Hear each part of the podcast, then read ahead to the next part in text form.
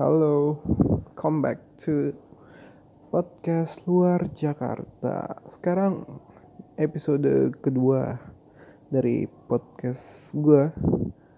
Hmm, sebenarnya gue pengen cerita aja keresahan-keresahan yang sekarang gue lihat di sosial media tentang eh bentar lagi kan bentar lagi tentang uh, mau pemilu ya.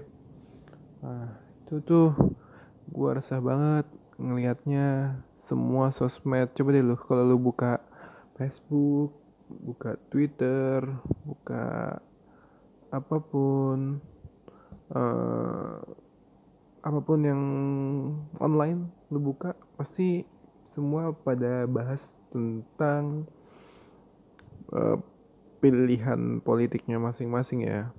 Gua nggak menyalahkan setiap orang untuk berpendapat di platformnya masing-masing. Toh kita sebagai warga negara punya hak untuk ngelakuin itu. Tapi uh, apa ya?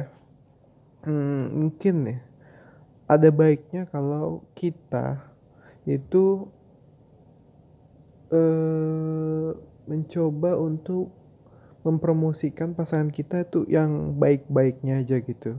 Cobalah untuk berpikir lebih positif gitu. Nggak selamanya lu harus jelekin jelek-jelekin lawan biar uh, jagoan lu menang nggak selamanya kayak gitu sih tapi ya back to you mau gimana sih uh, yang gue pikirin ya dampaknya ke depan kalau kita kebiasaan terus menerus jelek-jelekin lawan uh, lawan pol, lawan pol apa ya, ya buk, yang bukan pilihan politik kita. Uh, udah keluar keluar keluar sana keluar keluar sini toh misalnya nih misalnya lawan yang kita jelek-jelekin itu ternyata menang gitu. Lu tetap jadi warga negara Indonesia mau nggak mau harus mau dipimpin sama yang menang ya nggak? Nggak mungkin lu untuk wah gue pindah warga negara kan gak mungkin banget ya. Jadi nggak ada salahnya lu tetap menjadi uh, bukan netral sih istilahnya. Menjadi norm menjadi waras. Bukan waras ya semua orang pasti waras ya. Cuma menjadi tidak terlalu fanatik karena lo siapa pun presidennya nanti siapa pun anggota DPR-nya nanti uh, lu tetap bakal jadi warga negara Indonesia yang bakal ngikutin apa kebijakan yang diambil sama pemimpin kita nantinya. Jadi kalau lu jelek-jelekin terus dari sekarang ya misalnya ada misalnya lu uh, apa nih presiden gak bener gue nggak bakal milih kalau gue kalau kalau dia kepilih kiamat di dunia terus dia menang dan tiba-tiba ada program tuh kuliah gratis atau beasiswa for everyone gitu lu daftar lu malu gak sih di diceng-cengin temen lu? Lalu lu katanya nggak mau milih tapi lu ikut gitu. Uh, mungkin itu ya sisi sisi sisi buruknya lu nggak bisa bebas menikmati kebijakan mungkin ya kecuali lu nggak punya urat malu ya. Kayak gitu juga sih. Ya itu yang gue resahkan akhir-akhir ini di Twitter. Banyak sih sebenarnya platform-platform yang bisa lu pakai buat ngeliat track record uh, pilihan lu nggak cuma presiden ya yang gue bilang sini bisa juga anggota DPR RI anggota DPR di tingkat dua provinsi DPR di provinsi dan DPR di kabupaten hmm. untuk lu yang tinggal di Jakarta mungkin DPR calon-calon anggota DPR-nya mungkin lu lebih gampang kali ya ngenalinnya karena mereka udah sering banget muncul di TV. Oh si ini, si ini, si ini, oh di dapil satu nih Jakarta Timur udah ada misalnya nih Rian Ernest, ada Pak uh, siapa ketua DPP PKS. Ah itulah pokoknya.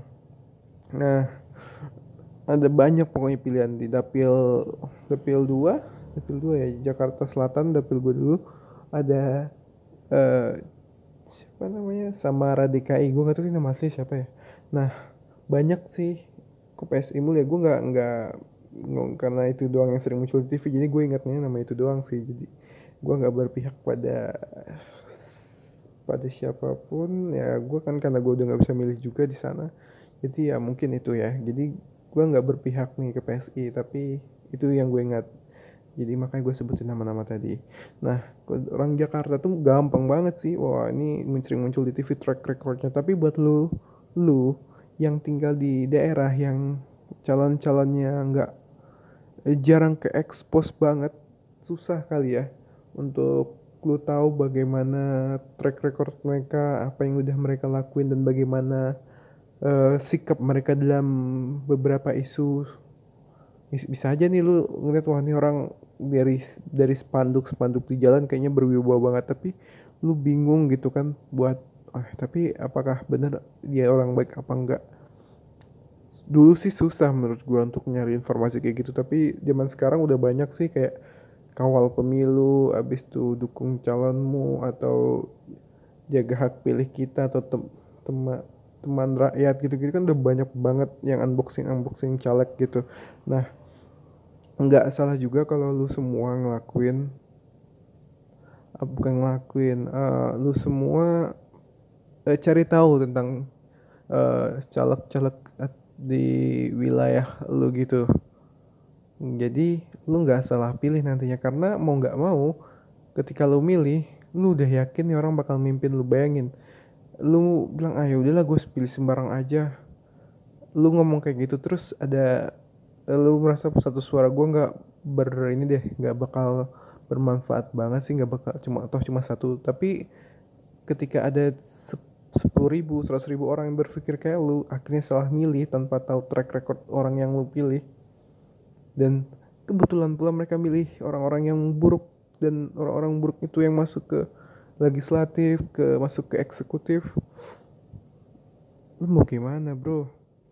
Lu mau nyampein aspirasi kagak didengar terus lu mau marah? Loh kan tapi lu juga yang milih gimana dong? Ya itu sih. Jadi biar lu nggak masuk perangkap kayak gitu mending lu cari tahu dulu sebelum milih sih. Itu yang gue pikirin. Tanpa harus lu keluar-keluar sosial media ini jelek ini jelek jangan. Kalau lu mendukung calon lu promosiin program kerjanya yang menurut lu cocok banget untuk di uh, direalisasikan di tempat lu gitu. Jadi ya mungkin itu sih yang keresahan gue banyak banget anak muda yang sekarang yang sok-sok mengerti politik tapi nggak mau cari tahu bagaimana pilihan mereka bekerja. Jadi ya cuma kor-kor doang cuma baca visi misi di poster. Ya ini pilihan gue banget ini pilihan gue banget. Nggak gitu juga sih bro.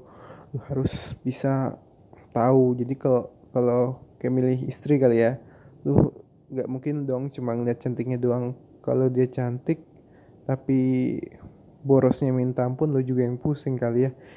Nah jadi lu harus cari tahu yang cari tahu lebih dalam lagi biar oh orang yang lu pilih ini adalah orang yang benar termasuk milih caleg gitu. Presiden juga seperti itu sama aja. Pada umumnya memilih pemimpin konsepnya sama lu harus tahu track recordnya lu juga harus tahu apakah program yang dia janjikan itu reliable nggak sih dengan kondisi yang sekarang ada di tempat lu. Misalnya nih tempat lu nih eh, nggak uh, ada orang miskin. Anggap lah ya worst case nggak ada orang miskin tapi dia menjanjikan beras miskin. Terus dia menjanjikan pen, pen, pengobat berobat gratis untuk semua warganya. Uh, terus dia bilang sembako enggak sembako murah sih semua orang suka. Ya oke okay lah sembako murah untuk semua semua warganya. Siapa yang mau ngambil? Dia nggak jadi ketika dia berjanji itu dan dia merealisasikan itu program itu ya nggak nggak reliable dengan tempat lu. Karena yang mereka butuhkan bukan itu yang uh, mereka butuhkan bukan sembako murah berobat gratis. Yang mereka butuhkan pasti ya kalau orang-orang yang emang udah kaya semua ya kemudahan berinvestasi uh, misalnya uh, sarana kesehatan yang lebih baik lingkup uh, kawasan terbuka hijau yang lebih banyak hal-hal yang memang untuk meningkatkan kualitas hidup. Itu sih gampang jadi nggak semua program itu juga cocok di tempat lo. Lo harus lihat juga kondisi di tempat lo seperti apa gitu. Jadi banyak sih yang harus lu pertimbangkan ketika lu milih presiden eh pilih presiden dan anggota DPR nggak cuma dari janjinya tapi eh nggak cuma dari track recordnya tapi juga dari bagaimana program-program yang dia canangkan itu realistis nggak sih cocok nggak sih dengan keadaan yang sekarang gitu. Itu sih. Jadi sekali lagi gue kurang setuju nih dengan uh, konsep jual sosok tapi jual sosok bukan jual bukan jual apa ya bukan jual program bukan jual uh, track record kasihan sih misalnya ini ada caleg yang cuma modal oh karena dia artis tapi dia nggak punya track record apa-apa di dapil lu gitu. Tapi dia gue kenal ya udah gue pilih aja. Dibandingkan sama orang yang emang udah dari kecil dia bantu pedagang-pedagang dia bikinin dia bikin komunitas UMKM terus dia bantu bagaimana mereka bisa dapat modal akhirnya banyak UMKM yang maju terus karena alasan kebijakan ya karena dia kesel sama kebijakan pemerintah saat itu dia memutuskan untuk jadi anggota DPR eh, karena tulus ingin menyampaikan aspirasi yang dia bawa dari bawah itu tapi dia nggak terkenal. Dia terkenalnya di ya kalangan itu aja. Lu nggak tahu lu nggak bakal nemu eh, nggak uh, bakal nemu cerita itu kalau lu nggak lu nggak baca track recordnya. Nah hmm, jadi yang gue harapin nih uh, kenali lebih baik dan berpikir lebih cerdas ketika lu memilih. Karena yang lu pilih sekarang bakal nentuin hidup lu lima tahun ke depan. Lu nggak bisa egois itu nggak bakal nentuin hidup lu karena ketika lu tinggal di suatu tempat lu harus ngikutin regulasi yang ada di tempat itu. Dan kalau regulasinya ngerugiin lu ya lu mau ngapa-ngapain juga susah gitu. So jadi smart voters itu penting. Jadi mungkin cukup itu yang pengen gue obrolin hari ini.